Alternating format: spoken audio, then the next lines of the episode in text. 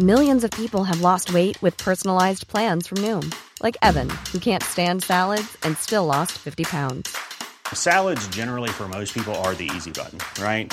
For me, that wasn't an option. I never really was a salad guy. That's just not who I am. But Noom worked for me. Get your personalized plan today at Noom.com. Real Noom user compensated to provide their story. In four weeks, the typical Noom user can expect to lose one to two pounds per week. Individual results may vary. Burrow's furniture is built for the way you live. From ensuring easy assembly and disassembly to honoring highly requested new colors for their award-winning seating, they always have their customers in mind. Their modular seating is made out of durable materials to last and grow with you. And with Burrow, you always get fast, free shipping. Get up to 60% off during Burrow's Memorial Day sale at burrow.com slash ACAST. That's burrow.com slash ACAST. burrow.com slash ACAST. Hey, Dave. Yeah, Randy. Since we founded Bombus, we've always said our socks, underwear, and T-shirts are super soft. Any new ideas? Maybe sublimely soft. Or disgustingly cozy? Wait, what? I got it. Bombus. Absurdly comfortable essentials for yourself and for those facing homelessness. Because one purchased equals one donated. Wow, did we just write an ad? Yes. Bombas. Big comfort for everyone. Go to bombas.com slash ACAST and use code ACAST for 20% off your first purchase. Före vi inleder dagens samtal vill vår tidigare gäst Carl Kivö komma med en rättelse med anledning av förra veckans samtal. Han vill hälsa följande. Jag vill göra en rättelse till ett uttalande i min intervju med Jannik Svensson. Där talade jag om ett meddelande jag fått av Nya Åland där de skulle ha hotat om att skriva om dumheter jag gjort som glop. Vid närmare eftertanke är jag inte säker på vem som skickade meddelandet, men det var inte från Nya Ålands redaktion. Därför vill jag ta tillbaks den delen och samtidigt be om ursäkt till Nya Åland för det uttalandet.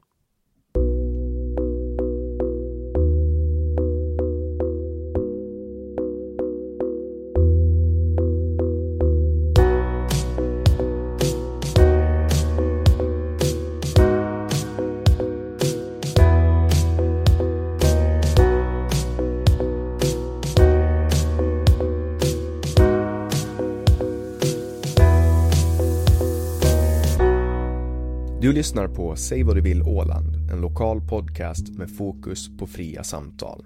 Jag heter Jannik Svensson och producent för podden är Didrik Svan. Vår podd består av mastodontsamtal. Vi vill ha långa samtal eftersom vi då får chansen att verkligen gå in på djupet. Idén är att fokusera på fria samtal. Det här är ingen debatt eller någon form av duell där det finns en vinnare och en förlorare. Det här är ett samtal där vi lägger fördomar åt sidan och där målet är att minska polariseringen. Vi tror att öppenhet är grunden för det demokratiska samtalet och vi vill uppmuntra dig som lyssnare att välja att exponera dig för samtal med någon du inte håller med om, hur triggad du än blir. Det kommer att diskuteras en hel del politik i den här podden och för att du som lyssnare ska slippa tänka på vad jag som programledare står politiskt kommer jag att med egna ord redovisa det för er. Jag tror på öppenhet även för min del. Min politiska bias, mina glasögon och min ideologi är frihetlig liberalism och jag är aktivt engagerad i politiken. Jag kommer att göra mitt bästa för att min partiskhet inte ska lysa igenom mitt uppdrag som programledare i den här podden. Men eftersom ingen människa kan vara objektiv så hoppas jag att ni med den här informationen kan åsidosätta mina eventuella brister och misstag. Det här avsnittet presenteras av Webax, hemsidor och innehåll. Jag heter Jannik Svensson och du lyssnar på Säg vad du vill Åland.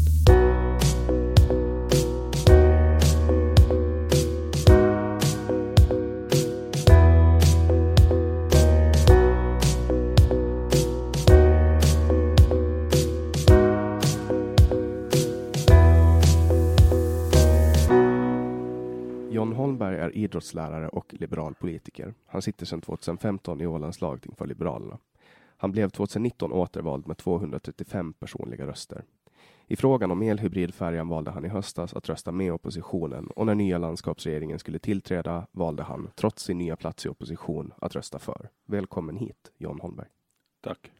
Och det är första gången du är med i en podd, förstår jag. Det är absolut första gången. Har du någonsin lyssnat på en podd? Inte ens det.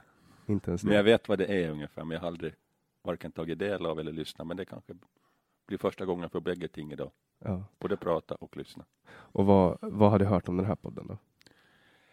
har inte hört så mycket om den här podden egentligen, men jag vet ju att ibland brukar det bli kontroversiella frågor som, som sprider sig ut. Och eh, så jag hoppas att vår pratstund blir bra, men kanske inte alltför kontroversiell. Du är ju lite kontroversiell på ditt sätt. Ja, jag gillar att vara, jag gillar att vara annorlunda på ett positivt sätt och jag gillar att, att tänka själv och jag gillar att inte göra uppmärksamhet kring mig själv, men i alla fall att jag står, jag står på vad jag säger. Mm. Och, och vi ska ju också vara klara för, för lyssnarna att du och jag har suttit i lagtinget tillsammans i sex veckor. Mm, det har vi gjort. Och sen åkte jag ut, men att, att folk förstår vad min bias är när det kommer till, när det kommer till din och min relation. Mm, Eh, men nu är du inne på, du går in på ditt femte år som politiker det stämmer. och du kom från ingenstans. Du hade inga kommunala uppdrag före du blev invald Nej, nej, ett allmänt samhällsintresse som växte för varje år som gick. Jag, jag, jag, jag såg mer och mer på, på val, valkampanjer, valdebatter, följde med samhällsdebatten i stort. Eh, och så där. Politiska intresse växte och i takt med att man blev pappa och bildade familj och, och på det sättet kom det per automatik in andra frågor i ens liv som, som man inte hade tänkt så mycket på tidigare. Barndagvård, skola. Ja, så det vävdes ihop och, och jag jobbar på att med saker som också gjorde att jag träffade väldigt mycket människor och per automatik så blev det också att man intresserade sig för hur, hur andra människor har det egentligen. För man själv alltid haft det bra, men det finns många oberoende åldrar som inte haft det bra. Så det där, det där kanske lite har följt med mig hela livet egentligen, att jag vill liksom vara med och påverka, jag vill vara med och, och, och göra saker bättre. Sen kanske det inte alltid handlar om politik som sagt, men just den här möjligheten att få vara med och göra saker och ting bättre, att utveckla. Var jobbade du innan du ställde upp? Då? Jag jobbar mycket inom turismen, jag är utbildad idrottslärare bland annat, men jag har jobbat väldigt lite i skola egentligen. Men att mitt senaste jobb inom politiken, det var vid Ålands idrottscenter. Och det var kanske det, det roligaste jobbet jag haft. Jag har haft förmånen att bara ha roliga jobb. Jag har aldrig haft en måndag morgonångest och, och, och, och, utan jag har alltid liksom tyckt att det var kul att gå på jobb och fått ha möjlighet att ha jobb som verkligen har utvecklat mig själv, men också jobb som har utvecklat verksamheten där jag var i. Så när jag, när jag då sa upp mig från Ålands idrottscenter efter sju, åtta år och blev politiker istället så kände jag att, att den, den, resan hade varit väldigt intressant för att det var inte samma ställe som jag lämnade som jag kom till och då tycker jag också att man har, kan vara ganska nöjd. Vad, vad gör Ålands idrottscenter då? No, det kan man väl säga med korta ordalag att det är som en idrottsresort. Det är för gammal och ung, motionär, elitidrottare. Det är boende, det är mat, det är stor fin simhall, det är sporthall, det är fotbollsplaner, det är gym. Ja, man kan göra allt där egentligen. Då. Så det, det, det, är som, det är som en resort egentligen. Du har allt på väldigt kort avstånd och vi har väldigt mycket gäster utifrån Åland, alltså idrottsturister som kommer och hälsar på året om. Så att det, sen har vi också barnkalas och vi har vattenjumpor och vi har babyjumpor. Och vi, så det finns väldigt mycket där. Det, det, det är ett, Och det här Ja. ligger i Godby va? det här är Godby. Mm. Och det är, en, är det en offentlig eller privat anläggning? Det är ett Ålands idrottscenter AB, det är ett, det är ett bolag men, men fastigheterna så, så ägs offentligt av, av Finströms kommun. Och, men, driv, och driv, men drivs som ett aktiebolag? Drivs som ett aktiebolag. Ja. Just det. Och hur länge jobbade du som, som idrottslärare då?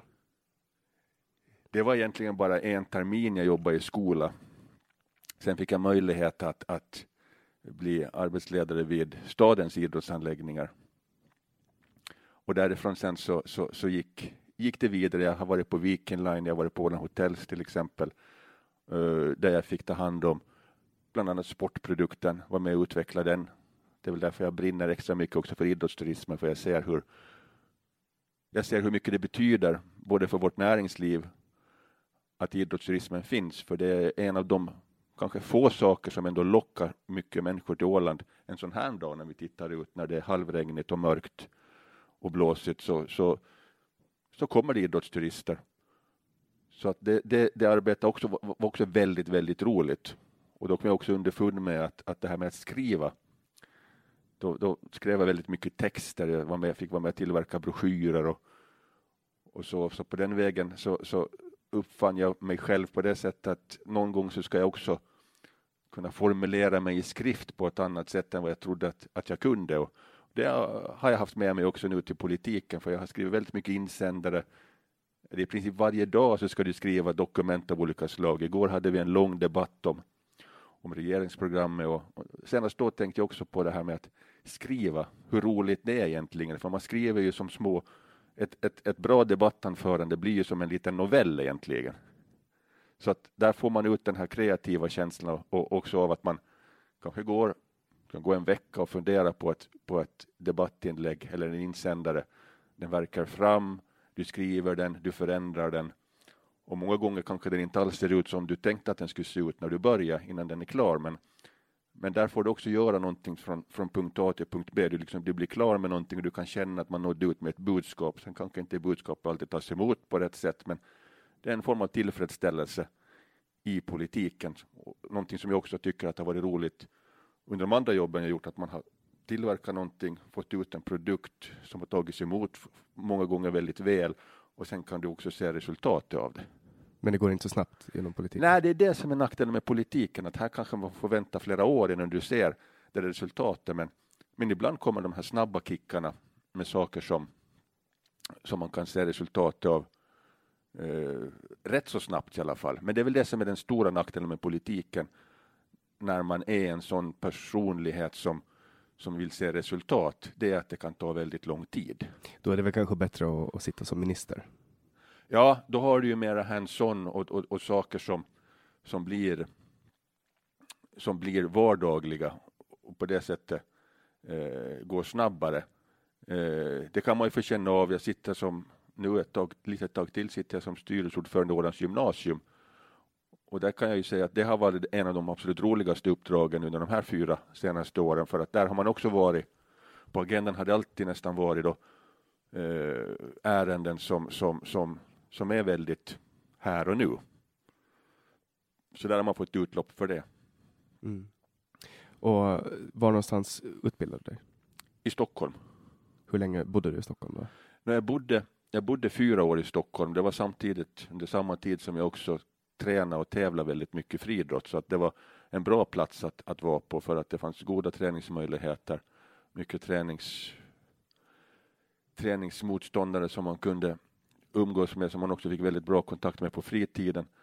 Och eh, jag läste även matematik under, under den tiden så att jag, jag var där i fyra år. Mm. Fan vad tråkigt att läsa matematik. Ja, ja det, det, det kan jag erkänna, det tyckte jag också. det var lite för, eh, det var inte, jag insåg ganska snabbt att, att, att eh, matematik så, så, så tycker jag inte att det är så speciellt eh, intressant, det är det inte, utan det har varit människor och, och, och bokstäver för mig. Men samtidigt ångrar jag inte om den tid jag lade på matematiken, för den har jag nytta av ganska mycket i det jobb jag, jag har just nu egentligen. Att jag, nu är du ju ordförande i finans och näringsutskottet. Ja, nej, vice ordförande. Vice ordförande. Så att det är klart. Har, har ni dragit en rockad där? Eh, jo, det är, det är Centern som har ordförandeposten i finans och näringsutskottet nu. Så att, Men du var i sex veckor ordförande? Nej, inte ens det. Jaha. Jag, jag trodde att du var ordinarie där. Nej. Då har jag fått det helt om bakfoten. Mm. Nej, så det är klart att en viss bakgrund med matematik eh, skadar aldrig. Det, det, det, det, det kanske man alltid ska ha med sig. Men att den matematiska banan desto mer har det inte blivit, nej. Men kan man komma in som, som politiker och inte ha någon kunskap alls om matematik och budget och siffror och, ändå göra ett bra jobb? Absolut, det, absolut. Och det är väl också lite meningen egentligen att, att uh, inte ska det bara sitta ekonomer och jurister och högutbildade personer. Uh, det är klart att det, det är bra med den här mixen. Det är bra att det finns människor från alla samhällsklasser med alla erfarenheter, med olika utbildningar. Eh, det är väl då vi speglar verkligheten på, på, på ett bra sätt. Sen är det förstås en fördel av att du har vissa goda baskunskaper, vissa goda insikter i saker och ting. För att syvende och sist så handlar allt om att du ska ha en, du ska ha en vilja, du ska, du ska vara hungrig, du ska vilja lära dig, du ska vilja sätta dig in i någonting, förstå hur, hur någonting fungerar, eh, kunna jämföra hur fungerar det då, hur fungerar det nu, hur vill vi att det ska fungera om 20 år. Eh, så jag skulle säga att det är den här, vad ska vi säga, personligheten att, att aldrig riktigt vara ledig. Det är den du har som politiker. Det här att när det är en lördag morgon och du vaknar så, så, så kanske istället för att läsa en bok så läser du en form av utredning eller ett PM kring någonting eller läser in dig på, på ett ämne. Men det är också det som gör det intressant och idag så med tanke på, på digitaliseringen och med tanke på att du hittar allt digitalt så, så har det blivit så pass mycket lättare också. Sen är det lite Facebook-krigande också. Ja, men det försöker jag hålla mig därifrån. Jag, jag är ingen social mediekille egentligen, så att jag har det, det, är väldigt sällan jag är ute aktivt på Facebook. Sen är man ju med i diverse olika grupper och man följer ibland vissa trådar. Men jag kan väl på det personliga planet tycka att eh, den där känslan av att en debatt på Facebook blir klar någon gång, det blir den ju aldrig. Det kanske den inte ska bli, men på något sätt så, så, så kommer det aldrig liksom till avslut. Det blir, det blir oftast en viss rundgång i alltihop. De brukar ju tystna till sist. Utmattningsprincipen. Ja, när, när, man, när man har hållit på tillräckligt. Jag är ju en Facebook-krigare. jag älskar ju att kriga på Facebook, reta upp folk. Ja, ja. Eh, men ofta så förstår ju inte folk att, att man är ute efter att ja, men retas. Alltså få dem att, att gå igång. Ja. Jag tycker att det finns en, en, härlig, en härlig känsla i den makten. Ja, man märker ju att det finns de som verkligen har ett nöje av det där. För lite oberoende vad det är för ämne i tråden så ser man ofta många man känner igen många namn när man säger så, Ja. från debatt till debatt. Men Facebook, jag kan inte säga att jag är med på Facebook desto mer egentligen. Det är väldigt sällan det kommer en kommentar eller ett inlägg från mig där. Däremot skriver jag mycket insändare, eh, även om jag inte har gjort det på ett litet tag nu, men där brukar jag försöka vara aktiv, för det tycker jag också är ett sätt att, att, att nå ut till så många som möjligt egentligen. För att man vill på något sätt också, det är sällan du får fram eh, det är sällan du får fram det du egentligen var ute efter att få fram i en debatt till exempel. För lokalmedia när det gäller plenum är alltid där. Men, men en debatt, jag tar till exempel som igår kring regeringsprogrammet, den höll ju på då i, i princip i sju timmar innan den blev bordlagd.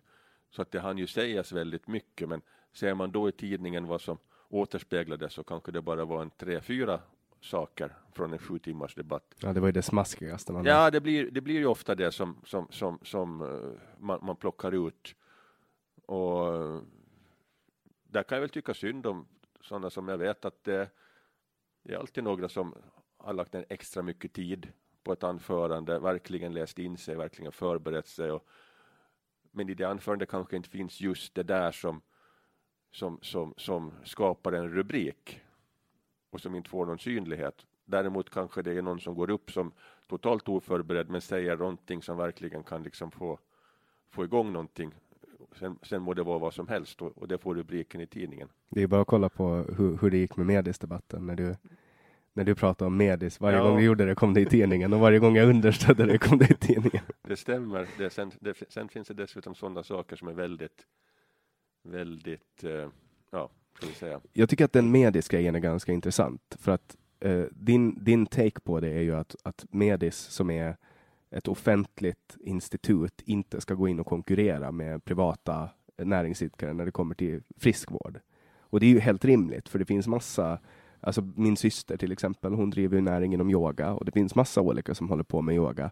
Varför ska Medborgarinstitutet gå in och konkurrera med dem? Det är ju helt bisarrt i min värld. Ja, jag kan hålla med. Saker och ting ändras ju. Jag menar, tittar vi tillbaka 20 år i tiden så, så då, då fanns ju inte överhuvudtaget det utbud av friskvårdsmöjligheter som det finns idag. Jag vet att när Ålands första stora gym öppnade eh, befann sig i, i, i Hotell Arkipelags ena ände. Det blev jättepopulärt. Eh, de valde att bygga ut och man funderar, ska det fanns, faktiskt finnas en marknad för det där, att bygga ett stort fristående gym? Okej, lycka till, spännande. Och de hann knappt bygga klart sitt så, så, så kom det till lika stort gym en bit därifrån och så tänkte man det där kommer ju aldrig att gå. Men marknaden liksom bara växte. Parallellt med att det ploppar fram många en, enmansföretag, personliga coacher och PTn och allt, allt möjligt alltså och att för, man på föreningsnivå i tredje sektorn börjar producera mer och mer jumpor av olika karaktär. Simhallarna kom till, vattenjumpor. Så hela det här motionsutbudet är ju enormt. Jag måste säga att per capita så måste vi ligga i, i topp när det gäller utbud av motionsaktiviteter. I princip över hela Åland. Och då kan jag tycka att det känns onödigt och fel. Och eh, onödigt av den orsaken att varför ska man med skattefinansiering stödja en verksamhet där det finns många privata, många andra föreningar som erbjuder samma saker. Det tycker jag är fel, speciellt i en tid då vi vet, då alla borde veta, som är politiker i alla fall, att vårans ekonomi är kärv. De pengarna som vi skulle kunna spara genom att inte dra ner antalet friskvårdsmöjligheter för ålänningarna, för de finns där ute redan. Tvärtom så är jag säker på att skulle den skattefinansierade friskvårdsaktiviteten för Medis dras ner så skulle den öka i den andra ändan, för jag tror att det är mångt och mycket kommunicerande kärl. Alltså att det kommer, då, kommer, då kommer det komma fler företag eller bli större företag som erbjuder samma sak. Då skulle vi istället kunna göra någonting annat med en del av de pengarna. Dels för att minska vårt stora budgetunderskott eller så skulle man kunna verkligen rikta pengarna. Det finns många idag som, som, som är väldigt stillasittande i alla åldrar. Vi jobbar ju fram också någonting som med arbetsnamnet motion på recept. Det kanske är välbekant för många, men det bygger helt enkelt på att Äh, man går till läkare så ska man per automatik inte behöva få en burk piller för att börja må bättre. Det kan många gånger eller räcka med att man får ett motion på recept. Alltså, du går och gymmar, du går och simmar, du tar promenader, du går på en jumpa, whatsoever så, så, så är det kanske det du behöver ha mer än medicin eller i kombination med medicin. Men får man då annat. typ subventionerad eh, träning? Att man får billigare på ett gym eller så? Det, det, kan vara, det kan vara så. Det här testades för ett antal år sedan på Åland också, men då föll det inte så väl ut för det blev en dålig förankring och det var kanske slutprodukten var inte riktigt genomarbetad. Men nu gör vi ett nytt försök som förhoppningsvis ska kunna komma igång om nog inte i år så i alla fall vid, vid nästa årsskifte fullt ut. Och det tror jag väldigt, väldigt mycket på, för det ligger i tiden. Men dit jag ville komma med det här är att, att det finns många människor som sitter ensamma, som inte har någon som ger den där positiva puffen i ryggen och säger hej, nu går vi på gym, nu går vi och simmar, nu tar vi den här promenaden så, vi, så mår vi bättre. Där skulle till exempel Medis kunna ha en roll tillsammans med andra aktörer hur man liksom kan få igång alla dem. För här pratar vi nog liksom om, om, om tusen, kanske två tusen personer som, som, som skulle behöva ha den här pushningen för att komma igång i början. För vi vet också hur det ser ut i vårt samhälle. Vi blir mer stillasittande, mer inaktiva.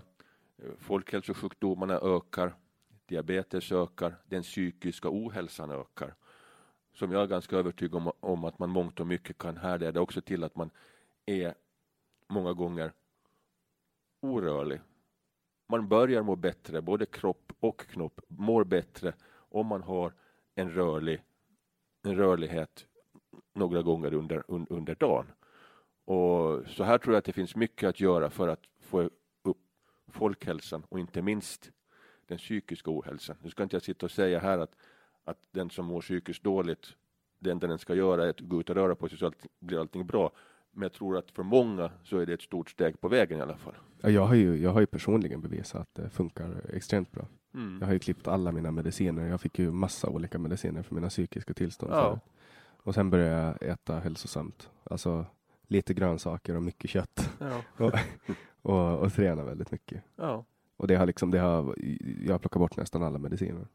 Nej, men det är skrämmande att läsa och det gjorde jag här för några månader sedan så, så kom det ut statistik från Sverige eh, som jag inte kommer ihåg exakt så jag ska inte säga siffrorna, men där man har fördubblat antalet medici mediciner i psykofarmaka för barn, ungdomar under 15 år har tredubblats på 10 år i Sverige. Det är helt sjukt. Det är helt sjukt. Mm.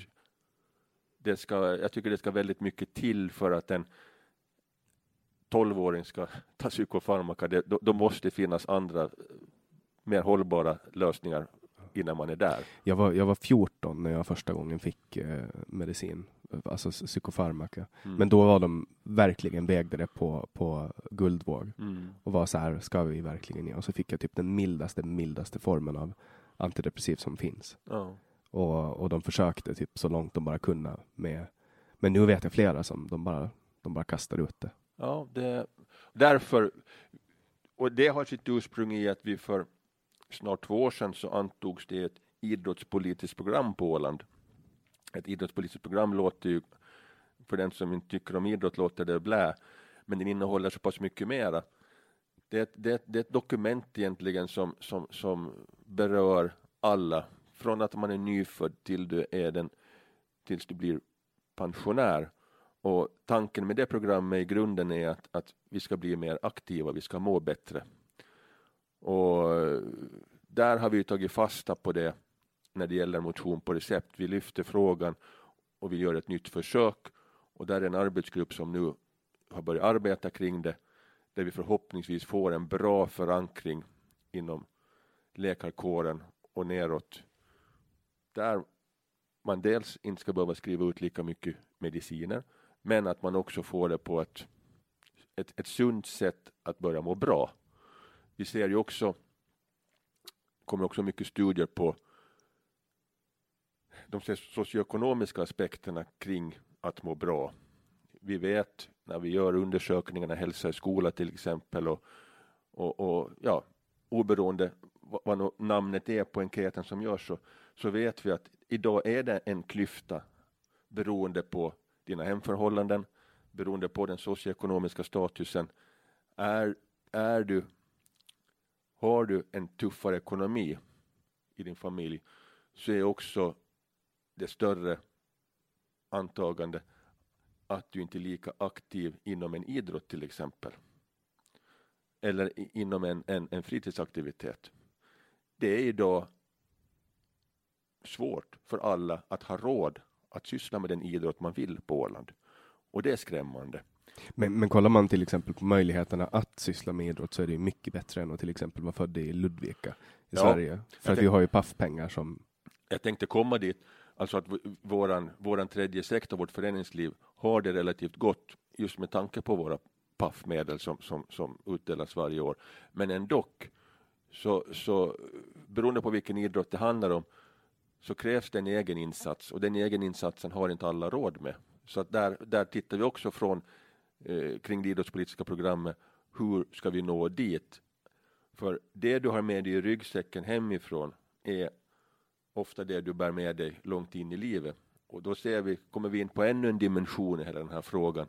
Att har du, har du då inte naturligt med dig det här med fritidsaktiviteter vetskapen om att rör jag på mig så mår jag bra så får du också en påverkan på, i, din, i din skolgång. Det är också bevisat alltså att har du en rörligare livsstil, rör du på dig, så mår också hjärnan bättre, men du blir också mer mottaglig för, för studier. Alltså ofta så är det ju en extremt stor trappa före man, man kommer över och, och inser kroppsligt hur mycket bättre man mår. Alltså för mig till exempel, när jag började, jag vägde ju 125 kilo och sen började jag gå ner i vikt och, och, och, sen skulle jag liksom börja träna och då var det så här. Jag kände mig eh, konstig när jag var på ett gym. Jag kände mig konstig i träningskläder och sen när jag började springa så fick jag extremt ont i, i vaderna och det var liksom det var en extremt hög, ett, eh, alltså ett stort trappsteg att ta. Och samma med gymmet, liksom. jag gick på gymmet och så fick jag förbannat ont i musklerna och, och så körde jag liksom ut mig. Eh, och, och, det gjorde att jag behövde göra det några gånger förrän jag kom in i det, förrän jag mm. liksom fattade det här med, alltså förrän jag började märka effekterna. Och jag tror att det kan vara ett hinder för många, för, för ofta så stöter man på folk på gymmet som man ser att det är nya där liksom och, och de går ganska intensivt och, och, och sen dyker de aldrig upp igen. Att hur, hur kan man liksom motverka det trappsteget? För det är, ett ganska, det är ett ganska högt trappsteg för många, tror jag. Det är ett högt trappsteg och det är väldigt många. Nu ska jag säga att jag tror att dagens idrottslektioner i skolan, ursäkta,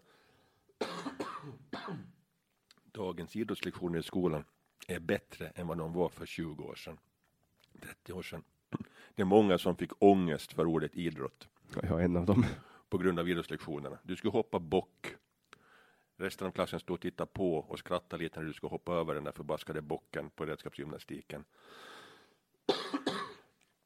Alltså du skulle göra saker som du aldrig hade gjort och som du hade väldigt ångest över och, och, och bara det här med att byta om och duscha i ett omklädningsrum med, med 20 andra var ångestladdat för många. det skulle delas in i två lag när det skulle spelas fotboll. Eh, och det gjordes på sätt som blev väldigt utpekande och, och, och, och även där ångestladdat. Så många har ju med sig i bagaget en ren och skär ångest och avsky mot idrott. Ja, det räcker med att jag ser barkbanan vid Övernäs så blir jag på dåligt humör. Ja, och jag menar då man, man, man sprang Cooper-test, det här att man skulle, man skulle springa så långt man bara orkar på 12 minuter, alltså det låg just elever till höger och vänster och, och, och, och som bara mådde dåligt. Men idag gör man ju det, idag, idag är ju ämnet på ett annat sätt, men det har skapat under åren en, en, en, en, en helt enkelt ett, ett litet hat mot, mot idrott. Och det där följer förstås med sen att avskydde du idrotten, jumpan i, i skolan så, så var kanske inte benägenheten ändå så stor att du skulle börja med någonting på fritiden när du växte upp. Men dit jag vill komma är att det är viktigt att alla kommer med på tåget. Oberoende vad du har för hemförhållanden, oberoende vad, hur mycket pengar mamma och pappa förtjänar så ska alla ha möjlighet att göra det de tycker att är roligt på fritiden och gärna inom någon idrott. Och det behöver inte vara för att man ska bli en ny Zlatan eller bli världsmästare i någonting. Utan det handlar om att du ska må bra idag, du ska orka gå i skolan och du ska definitivt orka jobba längre än vad kanske din mamma och pappa gjorde för att det är det som förväntas av oss. Vi ska jobba längre, vi ska orka mera. Eh, idag vet jag att det finns på yrkesgymnasiet studerande som har en fysisk ork som inte räcker till för att vara på praktik en hel dag till exempel. Det blir helt enkelt för jobbigt för dem att stå i ett kök och vara kockstuderande eller att göra någonting annat. För, för alla yrken kräver ju kräver ju en fysisk insats. Ju då. Och där har vi ett samhällsproblem som jag tror att kommer att bli större och större innan vi kommer till rätta med det. Eh, det kommer att bli en klassfråga också, tror jag, eh, vid en arbetsintervju, hur, vad du har för, för, för, för bakgrund när det gäller, gäller fysisk status, alltså hur, hur, hur, hurdan form har du helt enkelt. Eh, så det kommer att bli en utslagning även där om vi inte försöker göra någonting åt saken. Ja, och det, och det är också en ganska naturlig grej eh, om man kollar på eh, alltså människors kroppar. Eh, en människa som är grovt överviktig har ju mycket större sannolikhet att bli eller löper större risk för att bli sjuk eh, än en person som är i mycket fysiskt gott skick. Ja. Och det är ju så, det är såklart att, att som arbetsgivare så är det ju någonting som, som man väger in. Och där tycker jag när man ser arbetsannonser så läser jag oftare och oftare eh, så är det en beskrivning kring arbete och väldigt tydligt att arbetet innebär tunga lyft till exempel. Mm. På ett annat sätt än vad man, än vad man såg tidigare och det är ju det är ju för att, att arbetsgivaren verkligen vill ha den som orkar jobba åtta timmar fem dagar i veckan 45 veckor per år på, på, på ett sådant sätt. Eh, så det är viktigt. Vi, kom, vi, vi började den här diskussionen kring medis men det, det rinner liksom ut i att vi ska bli vi måste få upp rörelsen i, i, i alla åldrar. Är du pensionär så ska du kunna orka vara en, en, en, en aktiv pensionär och dra nytta av många år som pensionär och inte bara bli stillasittande och passiv. Precis som när du börjar skolan som, som sjuåring så ska du så ska du ha en, en, en, en, en, en motivation och en ork och, och, och en, ja, en rörlighet som gör att du orkar sitta stilla, orkar ta till dig information, Man kanske studera. borde klippa, klippa stolarna helt och hållet och låta dem stå ända från första dagen. Ja, men det finns, det, det, där har man ju utvecklat mycket klasshjälpmedel. Det kan vara allt från bouncybollar till microbreaks och, och, och, och som sagt stå, stå pulpeter och etc. Det kan vara mycket som är person, personanpassat just, just för dig i den klassen. Jag menar, att sitta är ju en av de mest onaturliga ställningar människan kan, kan vara i. Jag har ju aldrig hållit på suttit liksom. Absolut. Och ser man på kreativa kontor så är det väldigt få som sitter, sitter där heller. Men vi, det, det företaget jag jobbar på i Stockholm när jag flyttade till Åland, då, då hade vi alla ståbord liksom. Mm. Uh, och, och, det fanns skrivbordsstolar också, men det var sällan, kanske på eftermiddagen när man blev lite trött som man använde dem. Ser man hur man jobbar utanför Åland, jag vet att i Danmark när man planerar nya skolor så där, där, där gör man ju det omöjligt för föräldrarna att skjutsa barnet till skol, ingången. Utan där tvingas man stanna bilen ungefär 300 meter från skolan för att barnet ska vara tvunget att gå i alla fall 300 meter till skolan och 300 meter från skolan mm. varje dag. Eh, skol, skolområdena blir mer och mer utvecklade för att man verkligen ska få inspirera till rörelse på de här korta rasterna. Man försöker eh, skapa en, en längre rast per dag bara för att man verkligen ska få en, en pulshöjning minst en gång per dag. Man ska, skapar frivilliga aktiviteter före skoltid. För det är också bevisat att, så att får du igång hjärnan, får du igång syresättningen i kroppen eh, på morgonen så är du mer mottaglig för, för skolan mm eh, resten av dagen. Ja, det finns det ju massa studier på att har man, har man lite förhöjd puls och mera blod i hjärnan så lär man sig mycket, mycket bättre. Absolut. Klassrummen förändras. Eh, jag vet att det finns orter i Sverige där man har börjat titta på skolkorridorerna istället för att det bara är tråkiga bänkar längs med väggarna som man sitter passivt och väntar på nästa inringning så så, så, så, tvingas du göra saker för att du ska liksom lite hålla igång i en skolkorridor. Till exempel också på skolvägar anpassar man mer och mer. När man vet skolvägar där många barn och ungdomar rör på sig så finns det olika rörelsemoment längs med vägen som ska inspirera till att du gör saker utan att ens tänker man på typ bygger backar och sånt. Ja, alltså det, det, det, det, det kan låta roligt och det kan låta liksom lite absurt för att Förr så klättrade man i träd och man, man byggde kojor och man, man gör inte riktigt det på samma sätt idag. Jag blir glad när jag säger att man gör det, men att inte, inte i samma omfattning. Så att man, vi behöver liksom, vi, vi, behöver skapa de här det som var naturlig rörelse förut så finns inte på samma sätt, även fast den verkligen ska behöva finnas. Så vi måste liksom skapa nya sätt där vi får utlopp för den här energin. Mm. För kollar man på trenderna så är ju alltså hälsa är ju, alltså det har ju, krogarna går ju inte lika bra längre, för folk vill inte dricka alkohol och vara ute på nätterna. Och kollar man på till exempel Stockholm som jag har med mig närmast, där hade vi mycket kundevent.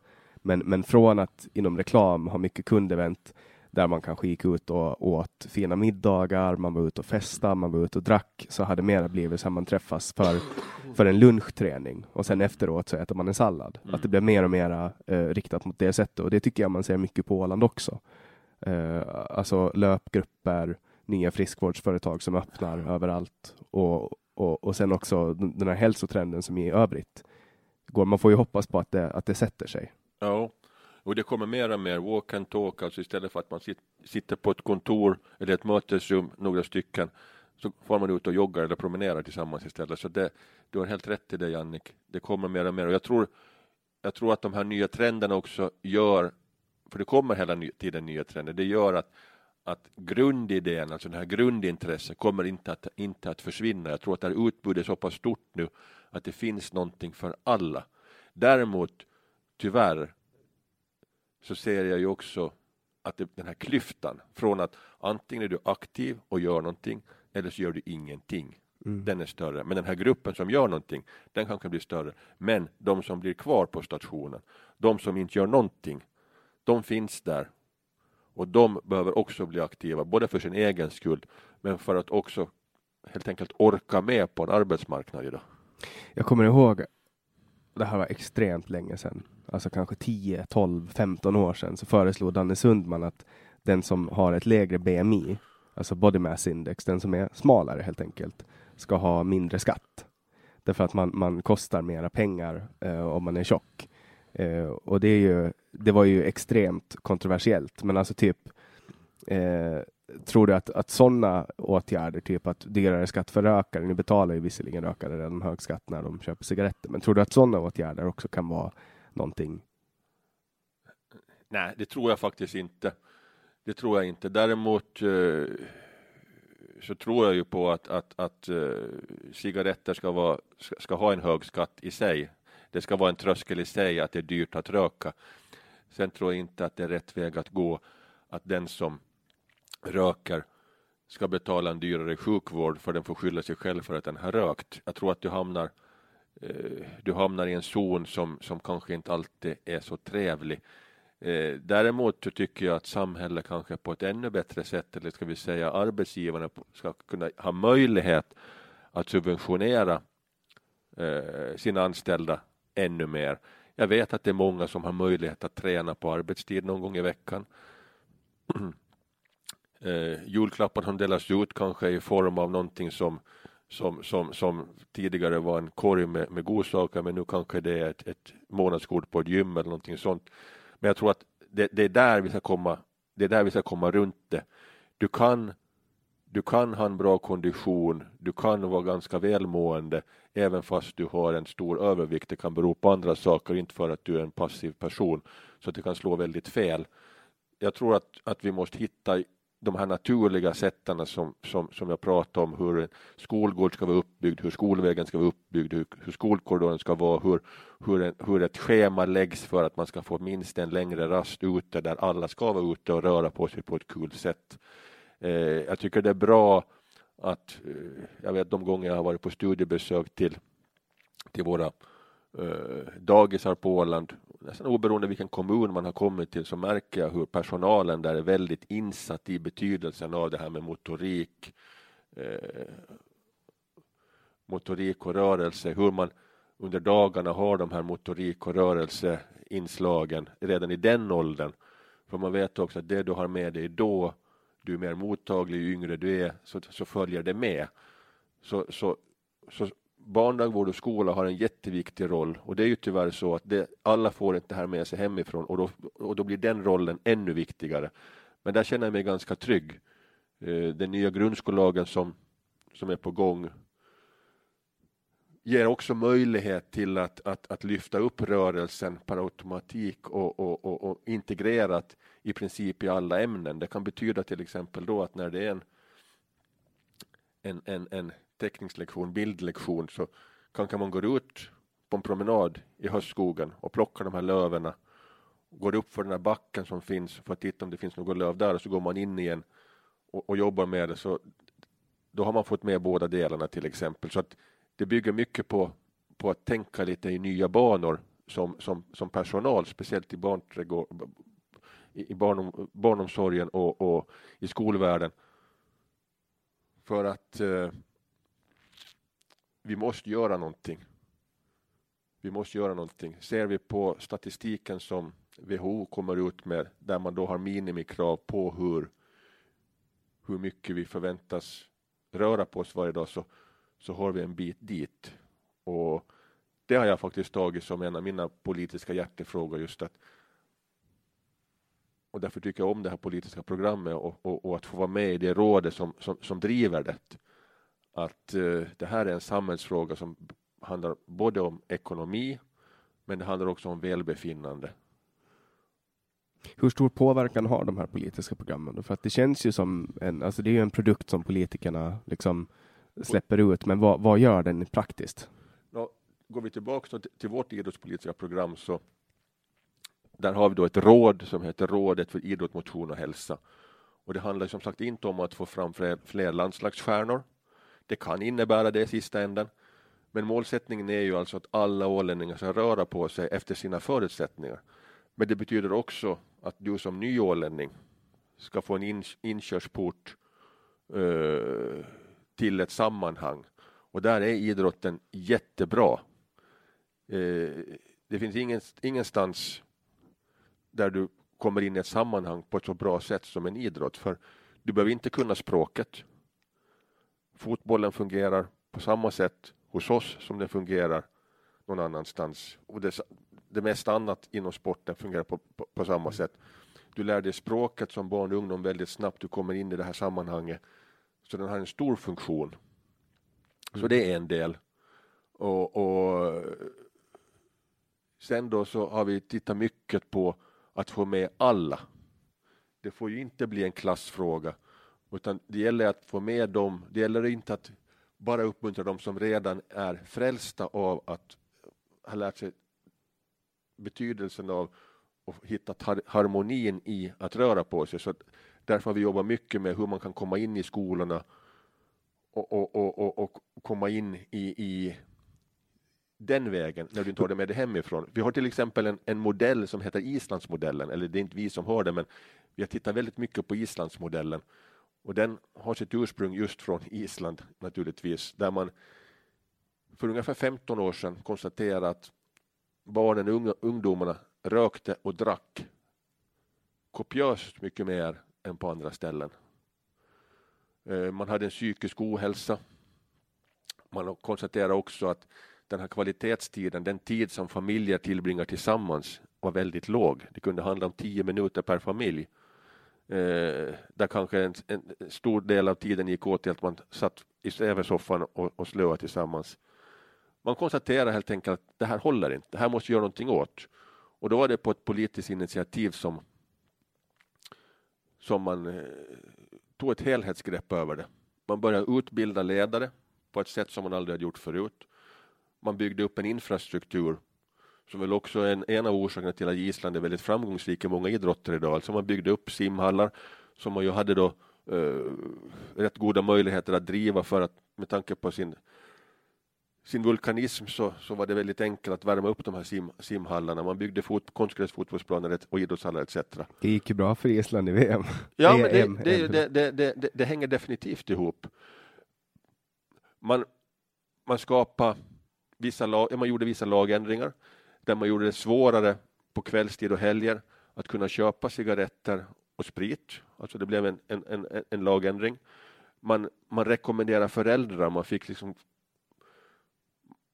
man committar föräldrarna med att tillsammans skapa regler där man inte tyckte att det var nödvändigt att ens tolvåring var ute efter klockan tio till exempel en vardag. Mm, det. det blev inte utegångsförbud, men man ett sådant kollektivt föräldraansvar där man lite så efter, vems pojke är du? Men du borde vara inne redan nu. Eh, alltså man visste att, att, att eh, det som är bra för mitt barn är bra för andras barn. Så det, blev, det fungerade väldigt bra det blev inte något så totalitärt samhälle där det blev nedsläckt och, och, och, så, utan helt enkelt strikta rekommendationer för hur barn ska ha det bra. Mm. No, väldigt, väldigt snabbt så såg man ju hur alkoholkonsumtionen minskade, antalet rökare minskade, den här kvalitetstiden som tidigare varit 10 minuter växte på ett år till 45 minuter. Eh, aktiviteterna, alla fick ett, ska vi säga, ett, ett fritidskort där man kunde välja vad man ville göra. Ville man spela fotboll, ville man simma, ville man spela innebandy, ville man sjunga i kör, ville man lära spela gitarr, det var också kultur inblandat, så kunde du göra det. Och det kostade ingenting för dig, utan det här var någonting som isländska staten helt enkelt subventionera. Det betydde också att du fick ju med 99,9 av alla. Mm. Ingen kunde säga nej jag vill inte, för man kunde välja. Ingen kunde säga nej jag vill inte, för att jag har inte råd, utan alla hade råd. Det gjorde också att de aktiviteterna ägde rum efter skoltid. Så det blev ju en, ett, en logistik med, med, med, på ett annat sätt med skolskjutsar etc. Men det gjorde också att när mamma och pappa kom hem eller någon, en förälder kom hem efter, efter dagen, då skulle det inte skjutsas iväg till nästa aktivitet. Då var den redan gjord. Vilket gjorde då att den här kvalitetstiden med läxläsning etc blev bättre. Och det här fungerar så pass bra att nu finns den här modellen i, jag tror det är över 60 länder. Och det här skapar ju inte bara friskare, starkare barn och ungdomar, mer välmående. Det drar ner den psykiska ohälsan, det drar ner konsumtionen av droger, alkohol och tobak. Och eh, det i sig minskade ju även på småbrott, kriminalitet. Så att det, var bara, det var bara vinster. Under, under den tiden jag rökte har jag aldrig rökt så lite som när jag var på Island. Det var ju otroligt dyrt att röka. Ja, och ja. alkoholen var ju också extremt dyr. Ja. Nu låter det här som en, en guldsaga, men det här är någonting som vi från rådet har tittat väldigt mycket på och skulle vilja att, att, att, att vi skulle kunna få igång även på Åland. För jag skulle säga att vi har väldigt goda resurser inom, inom det mesta. Subventionera redan subventionerad idrott. Ja, vi har väldigt goda resurser. Vi har väldigt många, flera organisationer som jobbar, strävar åt det här.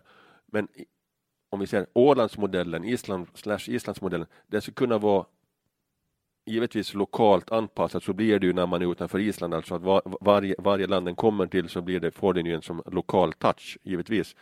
Men jag tror att här ska man verkligen kunna få ett plus ett att bli tre, där vi får alla att precis dra åt samma håll, vi minskar dubbelarbeten, istället får vi liksom resurser till någonting mera, det skulle bli det skulle bli någonting som jag tror att Åland verkligen skulle behöva. Mm. Och hur, hur, stora är dina möjligheter att påverka det här nu när du sitter i opposition? Då vi har ju med i, i det här rådet så har vi representanter med från Ålands idrott, vi har från, från skolvärlden, vi har från folkhälsan etc. Så att vi har ju, det var ju det som var meningen att det här, det här arbetet i rådet och med det här politiska programmet skulle vara väldigt brett. Det skulle ta upp alla, alla ämnesområden som behöver vara för att alla ska komma med. Så att det har tagits fram ett, ett väldigt bra PM kring det här. Så nu, nu är det någonting som vi politiska försöka lobba in.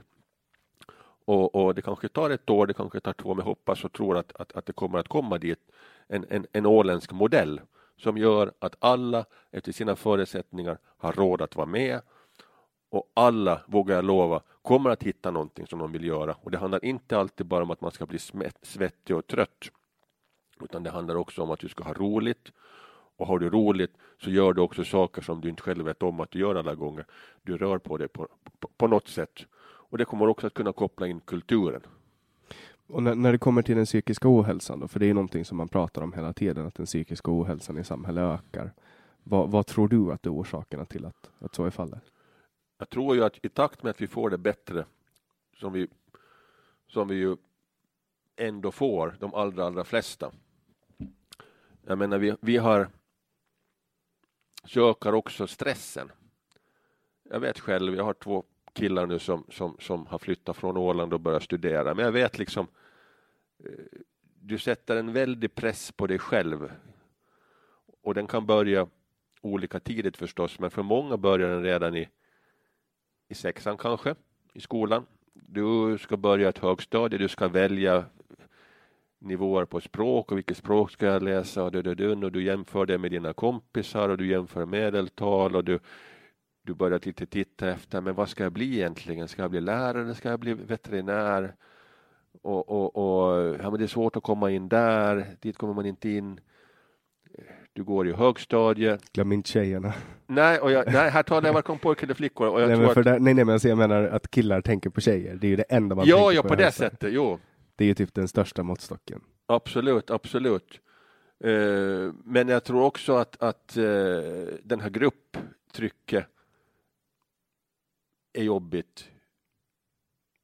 Och då tänker jag av många orsaker, men en orsak kan vara att det här att, att känna, nej men jag vet inte vad jag, vad jag ska ta vägen. Jag ska ta ett sabbatsår. Hur ska jag kunna komma med dit? De ska fara till Åbo, de ska fara till Uppsala. Vad blir jag då? Jag har inget jobb. Och det behöver inte heller bara handla om att man ska bort från Åland och studera. Det kan liksom handla om att men man vet helt enkelt inte vad man ska göra. Man vet inte, ska jag bli hårfrisörska? Ska jag bli närvårdare?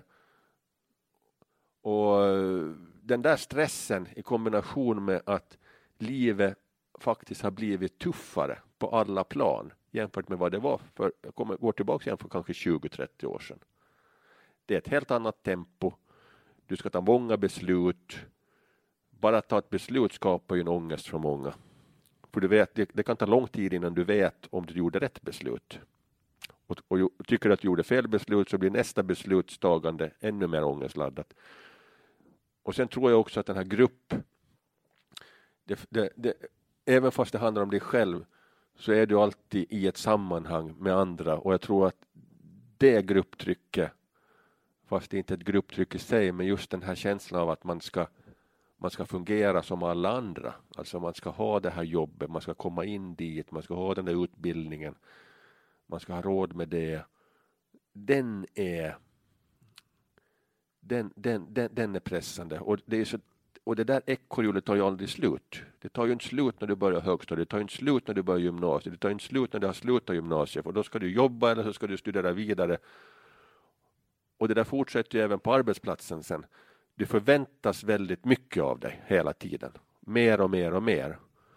Och det är också en konkurrenssituation att, att glada Lisa är alltid glad. Det är klart att hon säkert vill jobba lite extra här och det, det hur mycket tror du det har att göra med maten då? För att vi äter ju på ett sätt som vi aldrig har ätit förut. Ja men definitivt så har det ju många orsaker som, som är påverkbara. Maten är en givetvis, sömnen är en. Jag tror inte jag tror ju inte att den psykiska ohälsan mår bra av att du sitter med telefonen i sängen till klockan fyra på morgonen och sen så slumrar du bort några timmar och så går du upp till skolan klockan åtta. Jag tror ju inte att det på något sätt främjar den psykiska hälsan. Mm. Långt därifrån. För jag menar, vi smäller ju i oss oerhörda mängder socker, Ja. det här samhället, och det blir bara mer och mer och vi äter helt sjukt onaturliga saker som, som majs och vete och sånt som inte på något sätt är naturligt. Dålig mat, dålig sömn, dålig rörelse. Menar, där har du ju liksom ingredienserna till att du ska börja må ganska dåligt. Mm. Plockar du bort de där tre och får dem under kontroll, då tror jag också efter ett, ett tag så kommer du att känna att du mår bättre. Så det har du helt rätt i. Det också. Mm. Vilken, vilken skola är du i när det kommer till kost? Då? Är, du, är du för eller mot kolhydrater, för eller mot fett? Jag tycker att jag tror ju, jag är lite av den här gamla stammen, men jag, jag måste ju nog säga att jag tycker att en här balanserad kost kan innehålla allt. Jag älskar mat. Jag älskar att unna mig mat och, och, och, och jag vill kanske lite borderline till, till någon sorts liten sån här ja, glufsare egentligen för att jag, jag skapar motiv till mig själv att få unna mig god mat. Men det bygger alltid på att, att jag ska kunna få känna mig värd och duktig. Så då, då, då, då, då tar jag då har jag ett gympass eller en, en, en träning och då kan jag liksom drömma om det där jag kan få äta när jag är klar. Ja. Men att man ska göra det som man mår bra av. Jag kan bli lite, lite trött kan jag bli på alla de här olika, olika konstellationerna med, med kolhydrater och fett, precis som du räknar upp. Många äter glutenfri mat även fast man inte är glutenintolerant till exempel. Och så. Och man ska väl äta det som man mår bra av. Men jag tror ju också att eh, eh, livet går ut på att man ska må bra och, och, och mår man bra av det så ska man göra det men samtidigt får inte bli sökande efter någonting som du, du, du ens aldrig kanske hittar via maten. Eller? För, för du vet, tallriksmodellen passar inte för alla. Nej, Långt nej. ifrån alla. Men jag skulle säga så här, vid Ålands gymnasium så finns det möjlighet att äta frukost för en väldigt, väldigt billig peng. Det kostar en eller två euro. Eh, Det blir fler och fler som nyttjar det. Men väldigt många väljer ju också att frukosten ska bestå av en, en, en, en sportdryck och en cigarett. Mm. Och då kan man ju också fundera att Det låter gott. Ja, det kan ju låta gott kanske, men att eh, då kan man ju tänka sig liksom hur, hur, hur din kropp fungerar, hur, hur, hur positiv din hjärna är när klockan börjar bli 11, halv 12 och det är dags för skollunch. Mm. När det kanske är någonting som du inte tycker om. Men det är ju betydligt eh, bättre med en, eh, en kalorifri sportdryck än att kasta i sig cornflakes och yoghurt. Det är ju som att alltså, skjuta i sig eh, snabb energi som sen dippar efter en halvtimme. Liksom. Ja, jag sätter, jag sätter ingen, jag sätter ingen, eh, ingen, ingen, jag har ingen åsikt kring det egentligen, men dit, dit vi ändå kanske ska komma är när vi pratar om att vi mår dåligt och att vi orkar dåligt. Sätter vi de här parametr, tre parametrarna i kombination med varandra, som ju ändå väldigt, väldigt många sätter check i boxen på. Sova dåligt, sova lite ska vi säga, äta dåligt, och sen då kanske ha en livsstil i övrigt som bygger på att man rökar och, och, och dricker mycket alkohol. Så det är klart att eh, det skapar kanske inte alltid den där sunda positiva tanken alla gånger. Nej. Nej, och sömn speciellt är någonting. Jag kämpade jättemycket med sömn när jag växte upp. Jag fick ju inte det att funka liksom. Nej. Men, men sen var jag och är fortfarande en nattmänniska. Och då skulle det kanske ha varit bättre för mig att börja skolan klockan tio. Mm. eller halv elva. Alltså att man börjar med lunch, typ. Så. Eh, men nu, nu var man ju inrutad i, i att stiga upp klockan sju, börja klockan åtta. Jag kanske är lite konservativ där också, vad jag väl blir på det sättet gammal då, men att eh, och jag har haft turen, jag, jag, jag gillar, jag har aldrig haft svårt att sova egentligen, förutom när jag blev politiker. Nu kan jag nog ligga och rulla och fundera på saker, men att jag, jag är morgonpigg men jag är också kvällspigg, så att jag har liksom inte, det, det är varken eller. Men eh, eh, man måste på något sätt tänka att du ska fungera där ute också, du ska fungera på en arbetsplats. Och kom, klarar du inte av att komma upp till skolan, nu låter jag väldigt gammal och gubbig men klarar du inte av att komma upp till skolan för du tycker att det är jobbigt att stiga upp till klockan åtta eller nio. Uh, vet inte riktigt. Kommer du sen ut då och ska börja jobba så det förväntas ju ganska mycket av dig. när du får din lön. Och en, är, en är ju att du ska liksom nog kunna fungera från klockan nio på morgonen och ett tag framåt. Det finns dag. ju de som börjar klockan två liksom. Man, man, Ja, man, fin, Du kan ju ha turen att du kan få en sån lösning. Sen beror det förstås på vilket yrke du har. Det, där, där, vissa yrken kanske har, om du jobbar på en tidning till exempel, att, eller skiftesarbete, att du, du börjar då. Så det är klart. Men att, Men jag tycker ju att i allmänhet att man ska ställa högre krav, alltså som arbetstagare på, på arbetsgivaren. Att förhandla liksom. Jag, jag föredrar till exempel att jobba 80 procent. Mm. Alltså för att, det, alltså att jag tar bort en timme, eh, alltså att jag får kortare dagar. Och det funkar, det funkar bättre för mig, därför att då jag, jag får ut mera, jag presterar bättre på sju timmar om dagen, eller blir det sju timmar eller sex timmar? Sju timmar om dagen än vad jag gör på åtta. mm. Eh, och, och, och så liksom tar det av udden av stressen. Och, och jag, jag tycker att man som, som arbetstagare ska vara mera eh, fle, flexi, alltså ställa högre krav när det kommer till att förhandla Mm. för att hitta en, någonting som passar en själv. Mm. I det här yrket så går det ju inte, alltså, som du har, så går det ju inte att förhandla, utan du behöver ju vara på plats när Mm. du ska vara på plats och så. Men Ja, men det är väl ett... Det är väl också någonting som företagen kommer emot, kanske arbetsgivarna kommer emot mer och mer idag, att man, att man är mer flexibel, flexibla lösningar som är mer anpassade just för att vi vill att Jannik ska jobba hos oss. Precis som att man vill att ens personal ska vara mindre sjukskriven, trivas mer på jobbet, vara mer produktiv och på det sättet skapar man lösning som gör att den är det. Sen kan jag ju ställa motfrågan, nu har jag ju då sett, försökt prata om saker som jag tror att är med och skapar den psykiska ohälsan, för det var där vi var ett tag. Då kan man ställa sig frågan när vi pratar om krav. Eh, man har många krav eller önskemål på sig idag, men, men har ändå allting blivit lite mer kravlöst? För du kan alltid hitta liksom en bakdörr där, ja men det här passar inte mig. Du kan alltid hitta ett alibi till att, ja men det är okej, okej, men det här är inte riktigt min grej, det här ska inte jag, jag egentligen behöva göra. jag tror att kraven mera idag kommer från samhället, förut kom de mera från föräldrarna.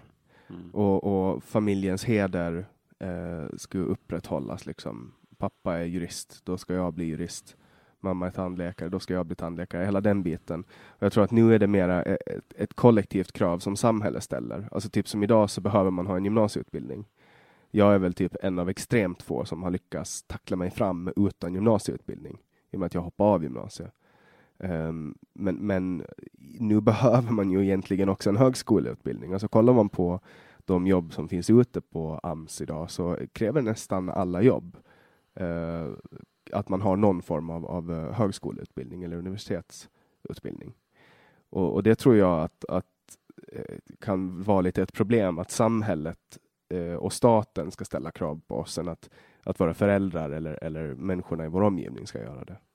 Därför att staten har ju en tendens att komma med kollektiva lösningar och kollektiva lösningar kommer ju per se inte att passa för alla, för väldigt få. Mm. Ja, samtidigt tänker man utbildningar idag. Idag kan du ju skräddarsy din egen utbildning. Din egen utbildning. Kanske inte på gymnasial nivå så mycket, men att på högskolenivå så kan du ju verkligen du kan ju bygga din egen utbildning idag. Och du har ju eh, i princip alla städer har ju utbildningssäten idag. Tittar vi på Sverige så du kan ju, du kan ju studera över hela Sverige till exempel. Kommer du inte in i Stockholm eller Uppsala, Uppsala, Lund eller Göteborg så kan du få till Örebro, Norrköping, Sundsvall, Umeå. Men man kan göra det på distans också. Och, du, och det, ännu mer det är ju.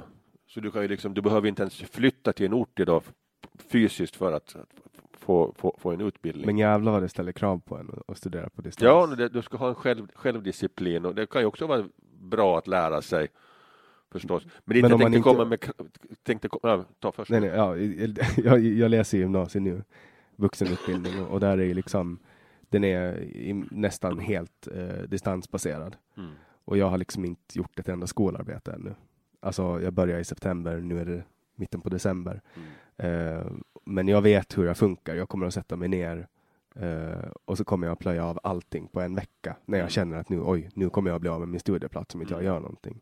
Och där är ju alla olika, men, men jag har ju en vision om en framtid där en skola är helt eh, baserad på artificiell intelligens. Alltså där man redan från tidig ålder eh, har, har ett program som lär sig eleven, alltså redan från sju, års ålder, lär sig eleven och vad, vad funkar bäst? Är personen auditiv? Är personen visuell? Eh, och, och, så skräddarsyr den eh, ett inlärningssystem för den personen mm. och kolla vilken takt som funkar, vilka timmar på dygnet som funkar bäst och, och på det sättet bygger upp en profil. Eh, där, därför att ah, det är verkligen så att ingen, alltså de här skolsystemen som vi har idag, alltså klassrumsmodellen, den bygger ju på tidig industrialism där man, där man byggde eh, arbetskraft som skulle sitta och, och liksom montera högerhjul på en, på en T-Ford. Eh, och, och, det var liksom det som, som var det ultimata målet. Man skulle få disciplinerade personer som kunde eh, följa order, som kunde recitera Bibeln, som kunde liksom och, och, det här hänger kvar så mycket. Men jag tror att framtidens eh, skola är liksom eh, klassrum där, där personer sitter i bekväma eller står i bekväma puffar eller vad som helst och så har de en skärm framför sig, lite som ni har i plenisalen nu. En skärm framför er och utbildningen funkar på olika sätt för alla.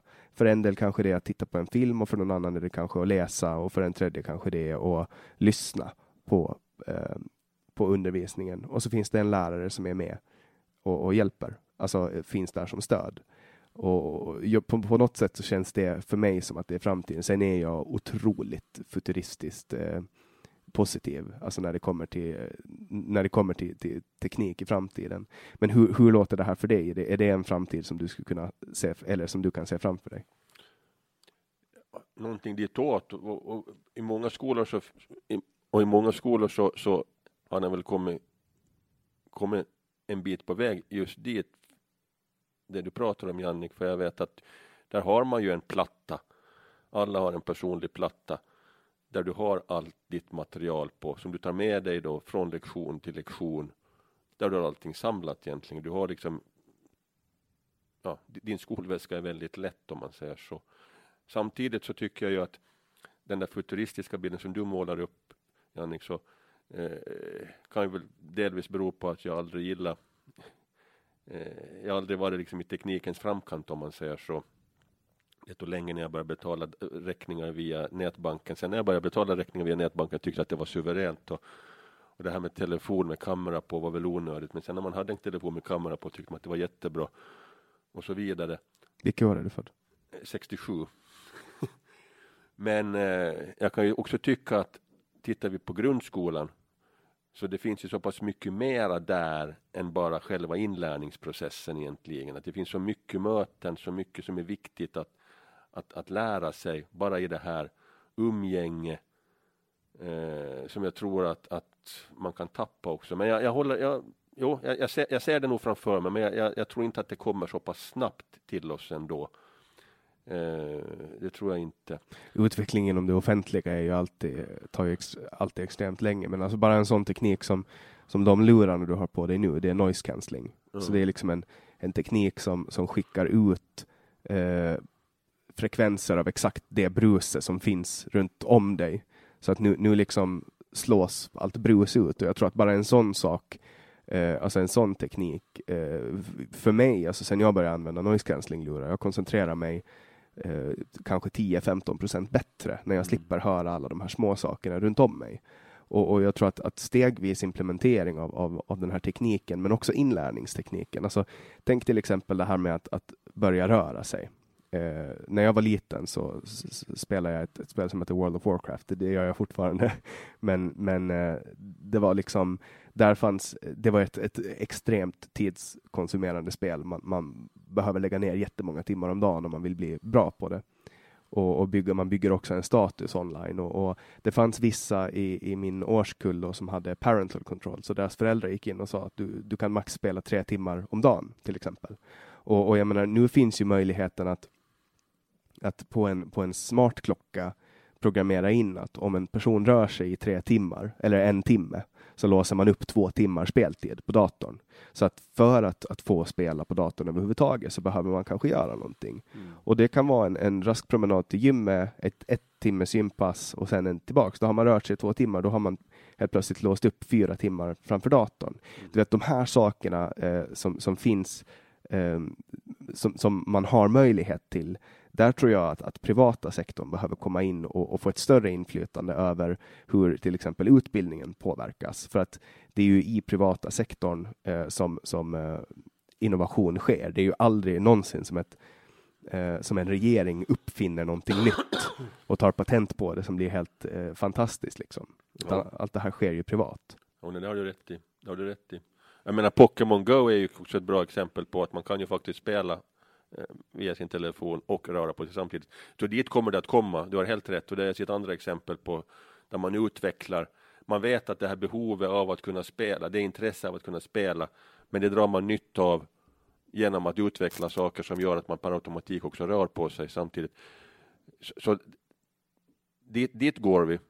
Dit jag också tänkte komma är att eh, det här med som också tror jag ställer krav på ett annat sätt idag än vad det gjorde tidigare och som också kan skapa någon form av meningslöshet och kravlöshet. Det är just det här att leva upp till krav. Alltså att idag behöver väldigt få frysa. Om vi pratar barn och ungdomar i alla fall. Väldigt få behöver vara hungriga. Väldigt få behöver vara trötta. Väldigt få behöver orka. Det är så lätt att säga det är så lätt att säga jag orkar inte. Och så är det så är det en orsak till att man inte behöver göra någonting. Ursäkta, jag måste dricka. Ingen fara, jag kan, jag kan pitcha in för dig och babbla så länge. Uh, nu, nu, står Ingrid och, uh, bakom oss och gör roliga grimaser.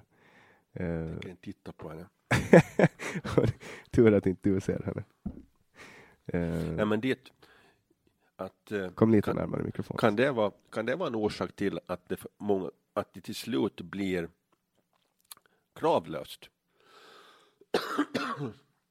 att man tycker att man inte har några skyldigheter, bara rättigheter. Jag provocerar den här frågan lite. Kan det vara så? Att vi kommer någonstans dit där väldigt många ser, inte ser behovet av att man har krav ställda på sig, men att man däremot bara har rättigheter. Alltså min, min, min politiskt ideologiska och min filosofiska bas är ju att uh, varje, varje individ ska göra det den tycker är kul. Mm. Alltså, du vet, helt, och det är ju helt kravlöst. Uh, men det anser jag däremot att det är en skyldighet. Att man ska göra det man tycker är kul. Så länge man inte, alltså så länge inte är att sprätta upp prostituerade på gatan som Jack the Ripper till exempel. Eller, alltså, då tar man ju någon annans frihet. Men, men jag tror ju att, att, att en del av varför människor mår dåligt är för att man tvingas in i ett fack och förväntas göra saker som man inte tycker är roliga. Alltså, man, man ska hålla på med, med, med, shit som man inte tycker om. Alltså för mig till exempel matematik. Alltså, jag, jag, eh, höll, jag klarade nästan inte av nian på grund av matematiken. Alltså för att det, det, var, det var verkligen, alltså, så fort jag tänkte på matematik, det var liksom så långt ifrån mitt intresse att jag började gäspa. Bara vid rena tanken på det. Och fortfarande än i denna dag. Men här är vi nog inne på någonting Jannik, tror jag. För jag menar, tycker man om plättrar med jordgubbssylt så tycker man att det är roligt på måndag. Och man tycker det är gott på måndag, man tycker det är gott på tisdag, man tycker det är jäkligt gott på onsdag. På torsdag börjar det bli lite sådär, men det går nog in. Men jag menar, dit jag vill komma är, om du bara äter det du tycker att det är gott varje dag. Gott, gott, gott, gott. Vad är det som, sen, som till slut säger att det är gott? Om du aldrig äter någonting som du inte tycker att det är riktigt gott. Så är det ju med allting. Vad är det som, om du bara kan göra det som du tycker att det är roligt. Om du då kan börja skolan klockan två för du tycker att det är jobbigt att, att måste stiga upp före klockan ett. Om du slipper läsa matematik för du tycker det är jobbigt med matematik. Du sänker dina trösklar på vad du tycker att det är roligt och vad du tycker att det är okej okay att göra sen. Mm. För sen blir Men... ju till slut allting, allting utöver det som du tycker att det är jättekul blir ju tråkigt. Och behöver du inte göra det så det är då jag tror att det också skapas någon form av kravlöshet som gör att ja, antingen tycker att vissa saker tycker att det är jätteroligt, men det andra så det, det behöver du inte göra för det är inte roligt. Jag, jag håller ju inte med där, därför att, att, att sitta liksom åtta timmar i veckan och, och, läsa ett ämne som, som man börjar må dåligt av, tror jag att föder psykisk ohälsa. Alltså, du vet, eh, då, då tror jag det är mycket bättre för, för det finns ju de som, som hellre har idrott åtta timmar eh, om dagen. För att det, sen kommer, det, sen kommer ju- det är ju jättemånga som inte kommer att jobba med siffror. Det där är ju också, visst kan du ha en form av kalkydylaxi.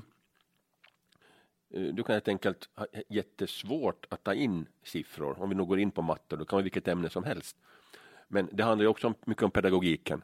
Däremot tror jag inte att alla då i din klass på 20 st- elever, alla kan inte ta emot matematiklektioner på samma sätt. Andra kanske behöver en annan bok, någon annan behöver sitta på ett speciellt sätt, en annan kanske behöver sitta i ett helt annat rum eller i en vrå i, i, i den skolklassen. Alltså man behöver olika upplägg för att kunna ta det till sig. Och andra kanske behöver två veckor på sig för att lära den saken och någon annan kanske behöver två timmar. och jag tycker det är bra.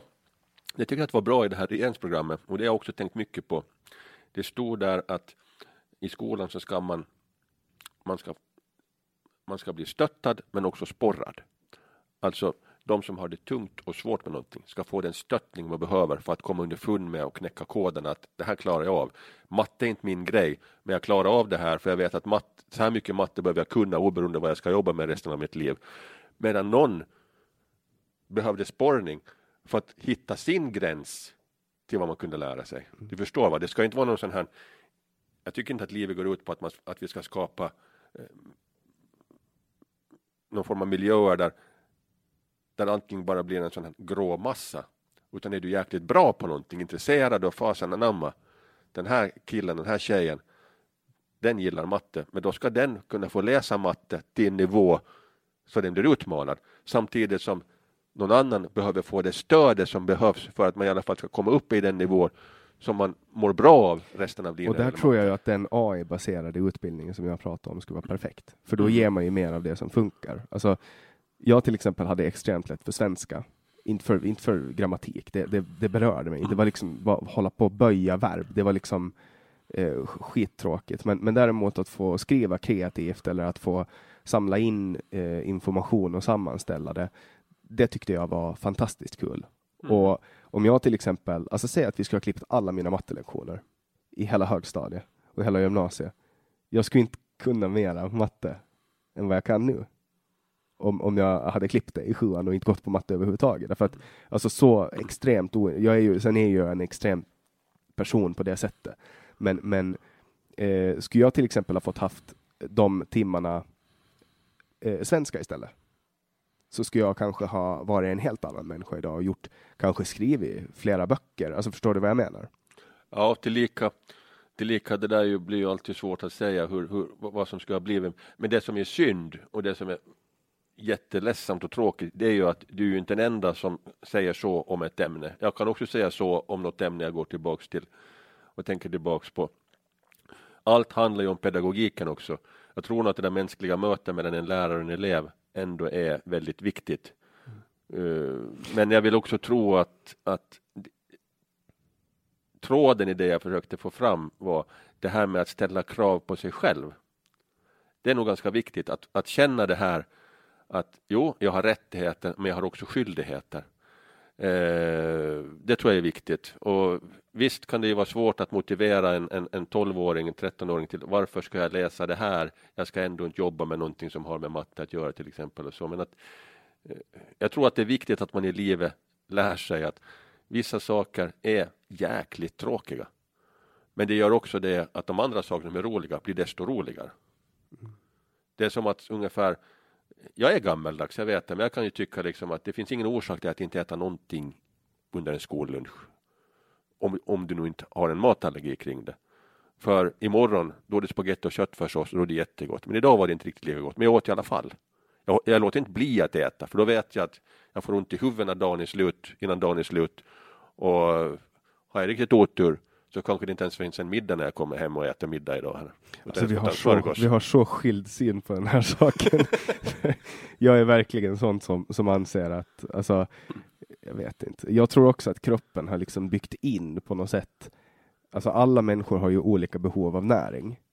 Eh, och jag tror att om en person inte tycker om en viss sak så kan det ha att göra med att man kanske inte har så stort behov av det. Jag vet inte om det är så, men, men ett exempel är att de tvingar mig att äta tomat när jag var ett barn eh, i skolan och det tog mig kanske, det tog mig upp till högstadiet, gymnasiet, för jag fattade att jag var allergisk för tomat. Men jag tyckte att tomat var vidrigt. Jag fattade inte hur de kunde tvinga mig att äta så starka saker. Och jag förstod inte, för varje gång jag åt det så började det klia i munnen och det liksom brände på tungan och i gommen. Men man måste ta lite av allt. Och, och de tillät inte att jag inte, alltså att jag skippade tomaten. Och, och det här var liksom, eh, den här, och det var samma sak med, med potatis. Inte ville jag äta potatis, jag tyckte potatis var skitäckligt. Och det var samma med ris. Jag, jag har aldrig någonsin varit en risätarmänniska. Men, men ändå så måste jag äta potatis och ris. Det var liksom så här, de stod och kollade att vi hade potatis på tallriken. Um, och, och nu när jag, det, det, jag äter idag är bara kött, jag äter bara kött idag, uh, kött och fett. Um, och, och nu vet jag vad det handlar om. Och det handlar om att min kropp mår bäst när jag äter ehm, um, 80% fett och 20% protein och inga kolhydrater alls. Och så fort jag äter kolhydrater så havererar min kropp på olika sätt. Men, men när jag börjar kolla tillbaks, så här, när jag var ett barn, så jag ville inte äta ris, jag ville inte äta potatis och jag kunde inte äta tomat. Men ändå tvingade de mig att äta det här och jag mådde dåligt. Och sen, sen överkonsumerade jag socker liksom. Mm. Men jag tror att skolsystemet måste byggas om i grund och botten för att mycket av skolsystemet handlar om att, att lära fiskar klättra i träd. Ja, jag håller inte med dig där. Jag håller inte alls med dig. Eh, det gör jag inte. Du vet ju att jag vill lägga ner allting. ja, nej, jag, jag, kan gå med på att, att, att eh, tar vi fisken som, som symbol så skolan, skolan lär dig simma eh, och skolan lär dig förhoppningsvis också simma mot strömmen. Det är viktigt att ifrågasätta och att testa sina gränser och att, att nå sin potential. Men det håller jag inte med om, för att jag tycker att skolan är till för att stoppa in folk i ett fack och det är det den gör. Så fort man bryter mot någon norm så får man ju stryk.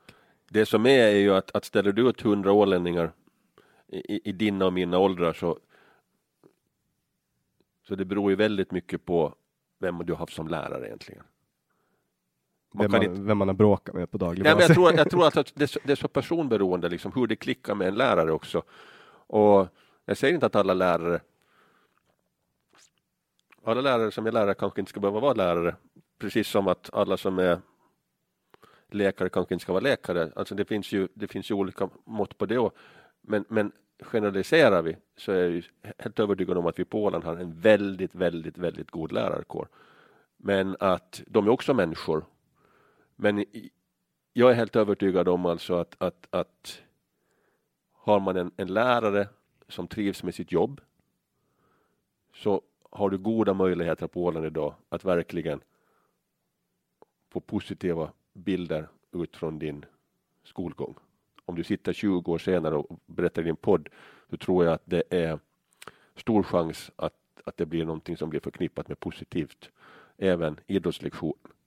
Men jag tror att det det handlar om i skolan, i skolmiljön, det är ju att man ska skapa, du ska väcka den här nyfikenheten, du ska till viss del så ska du också eh, kunna eh, dämpa den, alltså du ska få liksom utlopp för din nyfikenhet, du ska få svar, men den här nyfikenheten ska, ska väcka så mycket i dig att du liksom får en inblick i att vem du är och, och vad, du, vad just du har för möjligheter.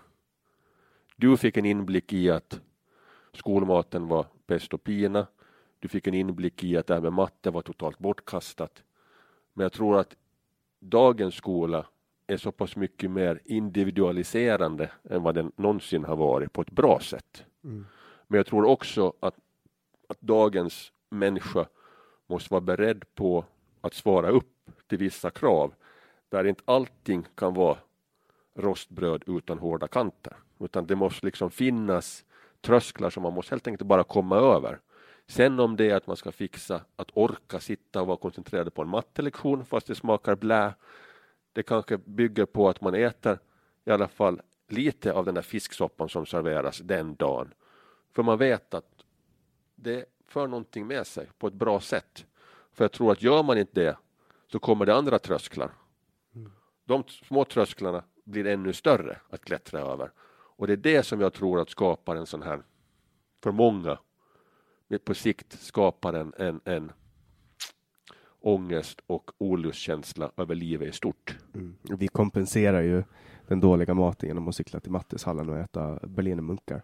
Ja, det var, vi, vi, vi gjorde det också genom att äta prinsessbakelser och gräddmunkar nere på Oceas bageri nere där nedanför Lusse också. Så att det, det har ju alltid funnits. Mm. Har Och sen bowlinghallen gick man ju också till.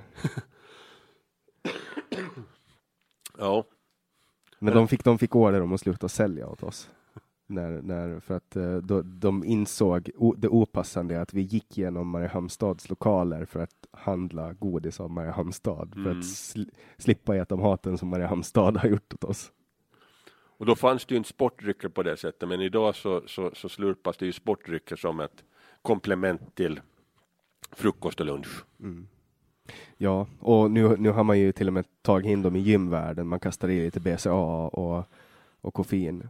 Sen är ju koffein ett av de ett av två bevisat prestationshöjande ämnena på gymmet. Mm. Mm. Kreatin, monohydrat och eh, koffein. De två. Men vi ska hinna prata lite politik också. Vi har 20 minuter, eller 19 minuter förrän du ska iväg på nästa möte. Mm. Eh, och det som jag tror att många kommer, kommer att komma ihåg dig för är att du satt i opposition förra perioden och sen tog eh, Det satt inte opposition. Nej men du satt i regering förra Mm. eh, perioden och sen tog då din regering, Liberalerna, Moderaterna, Socialdemokraterna fram eh, ett förslag om en färja, en elhybridfärja som du eh, valde att rösta för en åtgärdsuppmaning för att bryta kontraktet till. Vad var det som, som gjorde att du kände att du inte ville ha den här färjan? För att det var ju din röst som fällde hela avgörande. Mm. Jag måste väl säga under de här fyra åren då förra perioden så, så, så var ju kortrutten och kommunreformen var väl de två stora reformerna som vi, vi, vi ville dra igenom, få igenom.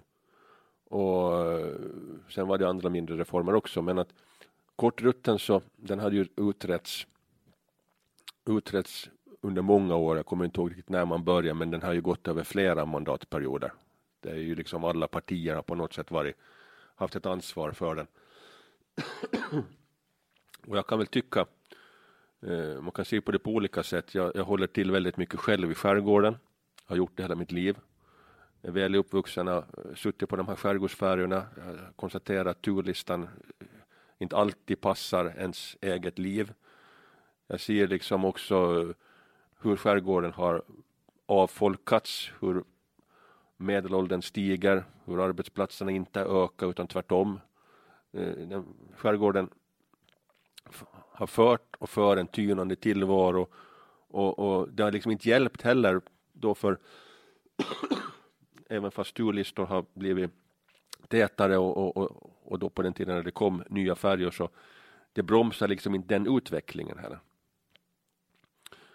Eh, sen tyckte jag ända från början egentligen så började jag ifrågasätta kortrutsupplägget. Jag, jag såg liksom med tanke på den, den ekonomiska investering som ska göras för det så kontra det som är idag. Den, den nyttan hittar jag aldrig riktigt för mig själv heller och, och, och jag var väl ganska tyst om det i början. Eh, min infallsvinkel var yes, vi måste ha en trafik som, som, som Eh, är mer miljövänlig. Vi måste ha en trafik som är hållbar på det sättet att vi har råd att hålla den turtäthet vi, eh, vi behöver ha, som, skärgårdsföretagare behöver ha, som skärgårdsbor behöver ha, som turister behöver ha. Eh, jag såg också problem med att man gjorde så pass stora ingrepp i miljön för att nå till de här minuterna som man skulle spara med i den här nya elhybridtrafiken. Eh, jag såg en upphandlingsvariant som jag personligen, nu pratar jag personligt, nu pratar jag inte från, från, från, från partiets sida, utan helt mina personliga tankar hur jag har resonerat med mig själv. Jag såg en upphandlingsvariant som eh, jag insåg att det här kommer att bli dyrt. Eh, jag tycker om vårt lokala företagande. Jag, jag, jag tycker eh, speciellt inom sjöfartsklustret så har vi varit, det är liksom Ålands framgångssaga i stort det att vi har haft entreprenörer som har kunnat gjort business med hjälp av vatten och båtar. Men den här upphandlingen så, så, så innehåller den så, så, så ifrågasatte jag starkt personligen. Eh, allt det här skedde i takt med att tunnelalternativet eh, fick luft under vingarna. Man märkte att den här allmänna folkopinionen på Åland, oberoende om du var bosatt i skärgården eller om du var bosatt på fasta Åland, alltså att eh, folk ville ju ha en tunnel. Och det, det, har man ju också utrett, inte på ett tillräckligt noggrant sätt med hjälp av provborrningar, men man, en tun, ett tunnelalternativ har utretts och konstateras att det inte var ekonomiskt jämförbart med, med vanlig färjetrafik. Eh, jag kände också, jag var väldigt osäker in i det sista om jag skulle ställa upp vid höstens val. Eh, inte på grund av kortrutten utan av andra orsaker. Eh, och jag konstaterade och sa alltså att, att, att gå till val för ett parti utan att man på det sättet egentligen har tagit med tunneln som ett alternativ. Det känns inte riktigt varken förnuftigt eller fräscht. För jag, jag såg tunnelalternativet så jag som någonting som på riktigt skulle kunna betyda en förändring. Att du kan åka en elhybridfärja några minuter kortare restid till eller från Fögle och vidare. Eh, det må vara positivt. Eh, men det är inte det som skapar någon förändring som gör att, att, att arbetsplatserna blir fler eller att ungdomar stannar kvar eller flyttar tillbaks. Utan jag tror ju att det, det där det skulle bli en, det skulle vara, det, det skulle bli en förvaltning av av den historiska skärgårdstrafiken egentligen. Det är så där det alltid har sett ut när man byggde nya färjor på 90-talet i, stridare takt än vad man gör idag så, så blev de lite större, de blev lite snabbare, de blev, de blev bättre på alla sätt och vis. Men det hjälpte ju ändå inte till att skapa någon förändring i skärgården. Sen eh, när lämnade Centern in en, en åtgärdsmotion. Och jag var väldigt tydlig. Jag, jag pratade med mitt parti och jag pratade med, med, med och sa att det här är nog någonting som jag kommer att stödja. Visste, har... visste du då att du skulle bli den fällande rösten? Nej, det visste jag inte, men jag visste ju också genom att grund grundfördelningen i, i, i lagtinget då var ju 17-13. Alltså att regeringsblocket hade 17 mandat och oppositionen 13. Jag visste ju att det fanns någon, en eller två som tänkte i mina banor och gjort det hela vägen som inte såg det förnuftiga med en kort rutt enligt den här varianten. Eh, jag fick siffror på eh, beräkningar på hur dagens trafik, hur den skulle belasta budgeten 15 år framåt. Eh, siffror som jag, som jag personligen, jag säger det än en gång, som jag personligen inte kunde ta till mig som, som, som, som, som ja, jag tyckte inte att de höll en nivå, en sån kvalitet som kunde säga som kunde säga till mig att jo, de här siffrorna John, så här ser det ut, det här är verkligheten. Det kunde inte jag ta. Jag fick inte liksom att jag, med den matematik jag har läst och med det sunda förnuft jag har så kunde jag inte för mig själv säga jo John att det här, de här siffrorna de talar för sig själv rösta nu för kortruten. Det blev tvärtom. Det var ganska tuffa reaktioner efteråt. Jo, och det var det. Och det, var, det, var, det, var inget, det var inget lätt beslut, för jag vet ju att jag, hade ju kollegor som tyckte precis tvärtom mot mig, hade tyckt det i fyra års tid. Jag kunde väl ångra att jag inte hade varit ännu tydligare med, med det. Eh, men det hade liksom vuxit fram under fyra år. Vid varje så att säga vägskäl under hela processen så stärktes jag i min tro. Och sen kom jag dit. Sen, sen blev det de här siffrorna kring, kring, kring eh, trafiken som, som fick mig att, att, att verkligen tänka till ett varv till i kombination med att anbuden blev så pass mycket dyrare än vad det blev. Det var ju liksom inte det var ju inte två euro dyrare utan det var 40 procent dyrare. Och jag brukar alltid tänka, jag har tänkt de här fyra åren på saker, hur, hur skulle det här fungera om det här inte skulle vara skattepengar? Hur skulle det här fungera om det här skulle vara ett, ett bolag där man hanterar där man hanterar satsningar.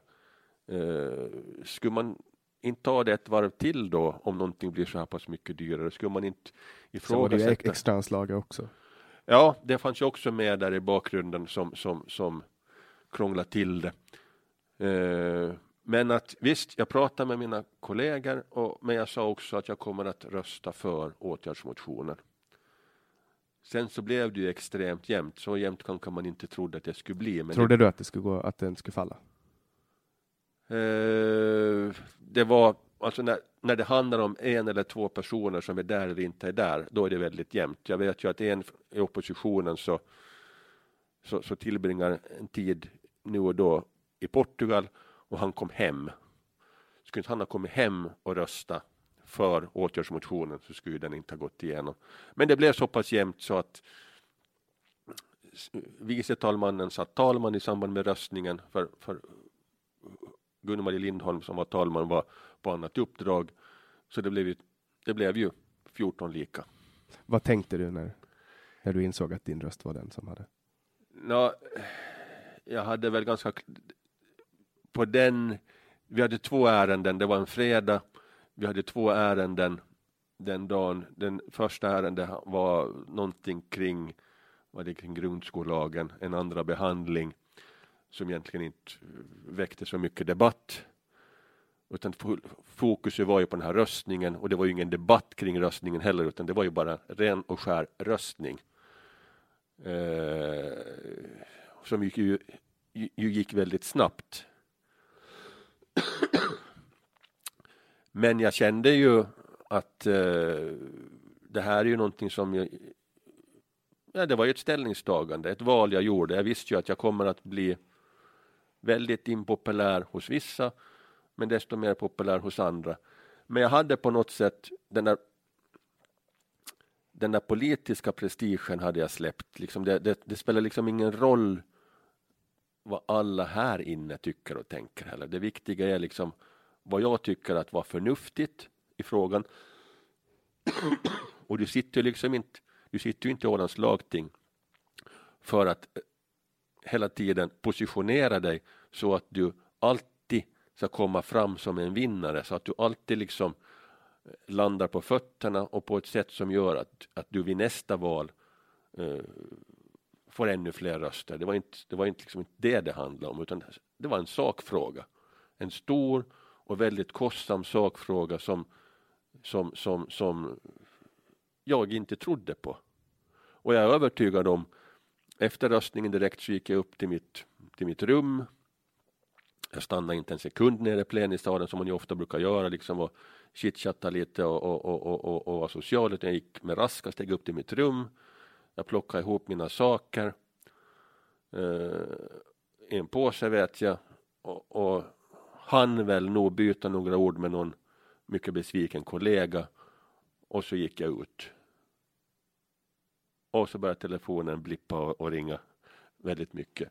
Och till saken hör att att en av de orsaker till att jag tvekat att ställa upp i valet har varit just att det finns som politiker enligt mig inget tråkigare, inget som du mår så dåligt av som när du cyklar hem på kvällen och vet att du har agerat på ett sätt som du egentligen inte skulle vilja ha agerat. Där du inte har följt, jag, jag pratade om min inre röst, alltså det som, som John tycker att i det här fallet så skulle det här vara det bästa, men du gör inte. Mm. Jag känner igen det. Och det där är inte roligt. Och jag vet att före sommaren, eller precis före sommaruppehållet, så hade vi upp en en lag om strypta bilar, alltså att det skulle vara möjligt att strypa bilar efter en viss, efter en viss årsmodell som då skulle göra det möjligt för 15-åringar att, att, att, att köra bil som ett komplement till traktorbilar. Och den där lagen tyckte jag inte om. Vi behöver inte gå in i det varför jag inte tyckte om den, men jag var tydlig och sa att fasen, då hade jag liksom börjat nå till min eh, vägs ände när det gäller liksom att, att, att, att trampa på sig själv. Så jag röstar blankt i alla fall i den frågan. Men rösta blankt kan jag å, å andra sidan tycka att det är väldigt fegt. Det är ungefär som att gå ut på toa när det är röstning. Att man, man ska stå för det. Antingen tycker man att det är bra eller så tycker man inte att det är bra. Tycker man inte att det är bra så, så röstar man nej. Men då, då, då, då så på sommaren sen så, så funderade jag fasen att nej, nu är det nog slut alltså. Att ska, ska, du hålla på med det här så kan du, du kan inte lura dig själv. För lurar du dig själv så lurar du också de som verkligen har satt in sin röst på dig. Och den respons jag fick från ålänningar må jag säga att var, var, var, var, var överväldigande faktiskt. För att jag kände också och fick veta att det som folk är kanske som mest trötta på i den åländska politiken det är ju det här att alla ska vara i ett fack och förväntas tänka på samma sätt. Jag kan förstå, ska man ha igenom saker och ting, ska saker och ting förverkligas så handlar det om, om att kompromissa. Och då kan saker och ting inte alltid bli som man själv vill. Och för annars kan det ju vara att du har i lagtinget 30 olika hjärnor som tänker på 30 olika sätt. Men, men någonstans så finns också det här att man ska som individ, som person, som du, nu ska man liksom tänka på vad som är bäst. Och jag vill ju också tro att skulle alla tänka så, så betyder det också att det här diket mellan opposition och regeringsblock skulle bli mycket eh, grundare. Det skulle inte vara lika djupt. För det skulle också göra att några på andra sidan skulle följa sin linje. För idag är det ju faktiskt så att det är ja, nej och, och, och den där skiljelinjen mellan blocken är väldigt tydlig. Så att det behöver den åländska politiken komma bort ifrån. Och nu har vi två minuter att avhandla den sista frågan. Och det är, du röstar ju för den här regeringen. Mm. Varför? Jag röstar för den därför att jag vill på något sätt, eh, tycker jag att, att, att samarbetsklimatet i den åländska politiken måste bli bättre. Fyra år går väldigt fort. Speciellt om du ska genomföra en större reform, ha större satsningar. Då krävs det att du har liksom en politisk samsyn kring saker och ting. Då kan vi inte sitta och rösta emot till exempel en motion som man i grund och botten tycker att det är bra bara för att den kommer från oppositionen. För när de kommer till makten, som de oftast gör vid ett senare val, så agerar de likadant. Och det där ser vi ju. Du kan ha 70 budgetmotioner och alla 70 förkastas, fast du kanske har 10 som är jättebra. Mm. Då i alla fall, jag kan tycka vi har haft ett demokratiskt val, vi fick en valvinnare. Jag har inte samsyn i alla frågor med, med den valvinnaren, men jag har mycket samsyn med den med, med, med, den personen. Då kan jag också tycka att varför ska man gräva upp stridsyxan det första man gör? Då kan man väl acceptera, ja, lycka till, du har min röst. Och då hoppas och tror jag också att det på något sätt skapar ett bättre samarbetsklimat. Mm. Skulle jag rösta nej, då skulle jag, jag personligen har tyckt att ja, men då, då har man ju liksom lite gett upp. Då ställer man ju sig på barrikaden direkt och börjar gläfsa. Mm. För, för mig så, så tänker jag att och jag blir mer och mer inne på den tanken, desto mer jag tänker på det, att det gamla systemet vi hade var mycket bättre, där man hade en, en, eh, ett system som tvingar fram en samlingsregering. Att alla fick eh, alla fick representation i dåvarande landskapsstyrelsen. Jag tror att Åland kan vara lite för litet för parlamentarism. Det tror jag också. Vi är ändå, det är 30 000 ålänningar och det, är 30 politiker som ska in, in i Ålands lagting. Så att jag, jag, jag tror att Åland är för litet för parlamentarism rakt av. Eh, men det ser vi också, det, blir ju mycket personval när man röstar på Åland. Så att det, men jag tror att det skulle vara en framgångssaga att vi skulle få bort det här diket mellan opposition och regeringsblock. Det skulle ge att trögheten i politiken skulle bli lättare och vi skulle få igenom, vi skulle kunna genomföra mer saker. Mm. Ja, det var bra avslutning för nu behöver du tyvärr gå. Det blev tio minuter kortare än vad jag hoppades på, men till alla som har lyssnat så eh, vill jag säga att eh, jag är glad att ni återkommer eh, vecka efter vecka för att lyssna på den här podden som numera heter Samtal. Eh, enkelt och smidigt att säga och som ni vet så hittar ni alla våra avsnitt på eh, alla plattformar där poddar finns. Spotify, Acast är två favoriter, men iTunes är också någonting som folk tycker om att lyssna genom, har jag noterat. Ni hittar alla samtal också på www.samtal.ax som är vår hemsida. Där kan ni också gå in och önska gäster. Och nu kan ni även passa på att önska gäster ifrån utlandet i och med att jag har gått ut och sagt att jag önskar ta en lite mer internationell profil på podden. Eh, och vi släpper fortsättningsvis eh, nya samtal varje onsdag. Producent för den här podcasten är Didrik Svan. Jag heter Jannik Svensson och du har lyssnat på Samtal.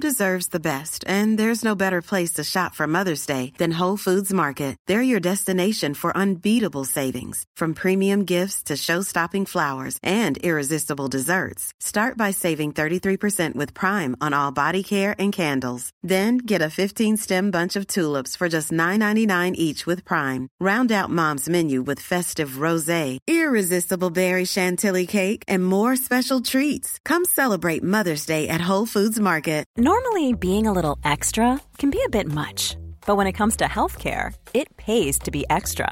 And United Healthcare makes it easy with Health Protector Guard fixed indemnity insurance plans. Underwritten by Golden Rule Insurance Company, they supplement your primary plan, helping you manage out of pocket costs without the usual requirements and restrictions like deductibles and enrollment periods. So when it comes to covering your medical bills, you can feel good about being a little extra. Visit uh1.com to find the Health Protector Guard plan for you. Planning for your next trip? Elevate your travel style with Quince. Quince has all the jet setting essentials you'll want for your next getaway, like European linen, premium luggage options, buttery soft Italian leather bags, and so much more. And it's all priced at 50 to 80% less than similar brands. Plus, Quince only works with factories that use safe and ethical manufacturing practices. Pack your bags with high-quality essentials you'll be wearing for vacations to come with Quince. Go to quince.com slash trip for free shipping and 365-day returns.